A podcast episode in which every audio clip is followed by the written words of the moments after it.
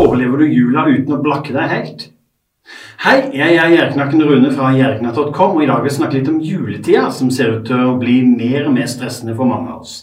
Skal du være perfekt og gjøre jula perfekt for deg og alle rundt deg, går det sannsynligvis eh, en masse penger med i dragsuget. Men er det virkelig nødvendig?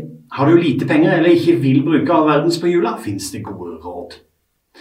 Selve julehøytida varer jo bare noen få dager, så hvorfor i alle dager skal man bruke tusenvis av kroner på sånt? Det flyr penger til alt mulig i disse tider. Julekonserter, juleavslutninger, julebord, gaver til alle mulige folk du egentlig ikke ser noe til uansett. Masse mat som krever mye tid og penger før den havner på bordet. All verdens slags julebakst som tyter ut av øret og munnen til slutt. Heftig rengjøring av hus og leilighet, selv om det kanskje ikke er nødvendig.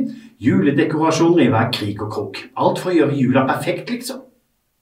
Kanskje det er på tide at du tilpasser julefeiringa til din økonomiske virkelighet, og heller prioriterer hva jula burde symbolisere. Tid og kos sammen med dem du er glad i. Tips 1. Ta bort alt som ikke er nødvendig. Glem å sende hundrevis av julekort som egentlig ikke er ment som noe annet enn å vise frem at du ønsker andre en god jul, eller at du har tid til å lage julekort, i motsetning til mange andre. Er det ikke like enkelt å skrive noen ord på sosiale medier, sende SMS eller til og med sette av tid til å ringe familie og venner du ellers ikke ser så mye til? Glem at du burde lage pepperkaker og annen julesnacks i bøtter og spann. Nei, det må ikke være sju eller flere slag i huset før juleklokkene klinger. De ringer uansett. I det hele tatt, glem det å skulle være perfekt. Er det noe å bry seg om hva naboer eller andre tror om det? Dersom du syns det høres grusomt ut å skippe all verdens, kan du vel iallfall begrense deg litt. Send julekort til noen spesielle. Velg et arrangement, en konsert, et teaterstykke eller lignende som prioriteres. Man må ikke fly på noe hver eneste kveld i dagene fremover. Bare fordi du begrenser julehysteriet, betyr ikke det at du ikke liker andre mennesker eller er egoistisk. Det betyr ganske enkelt at du lytter til dine egne behov og ønsker. Det er jo flott, det, faktisk. Tips to unngå fråtsinga i mat i jula. Jeg mener selvsagt ikke at du skal være fornøyd med knekkebrød og brunost i jula, men det er vel ingen grunn til å overspise bare fordi det er jul. Sannsynligheten er stor for at du begynner julaften formiddag med risgrøt og avslutter andre juledag med vondt i magen. Mat og matselskap skal være hyggelig, men å dytte i seg all verdens i løpet av jula er vel ikke det? Er det virkelig slik som i gamle dager at det er en stor skam dersom det ikke er en masse mat til overs når måltidene er omme? Nei, syns jeg.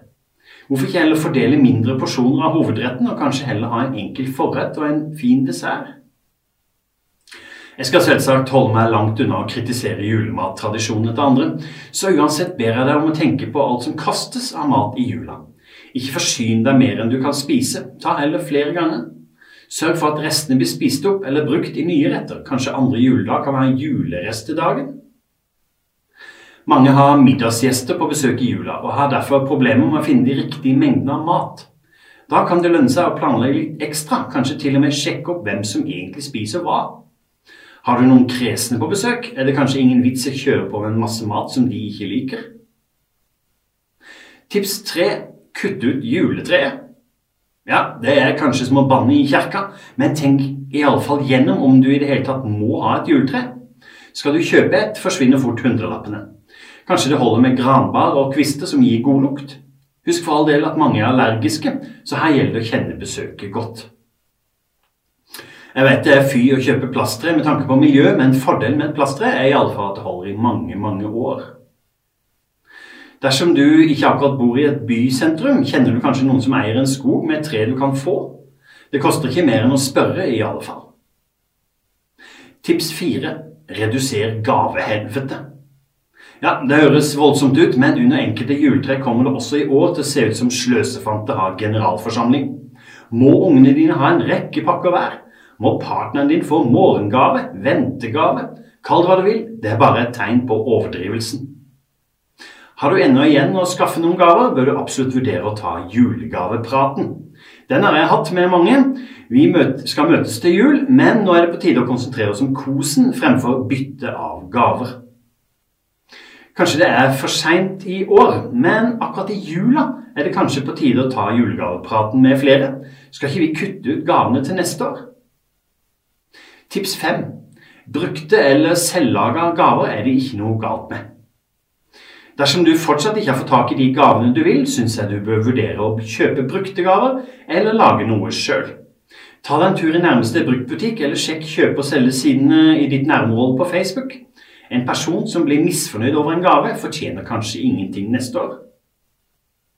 Takk for meg. Dersom du likte dette innlegget, håper jeg du har lyst til å ta en titt på nettsida mi, jerriknatt.com, og ellers følge meg på sosiale medier som YouTube, Facebook, Snapchat og Instagram.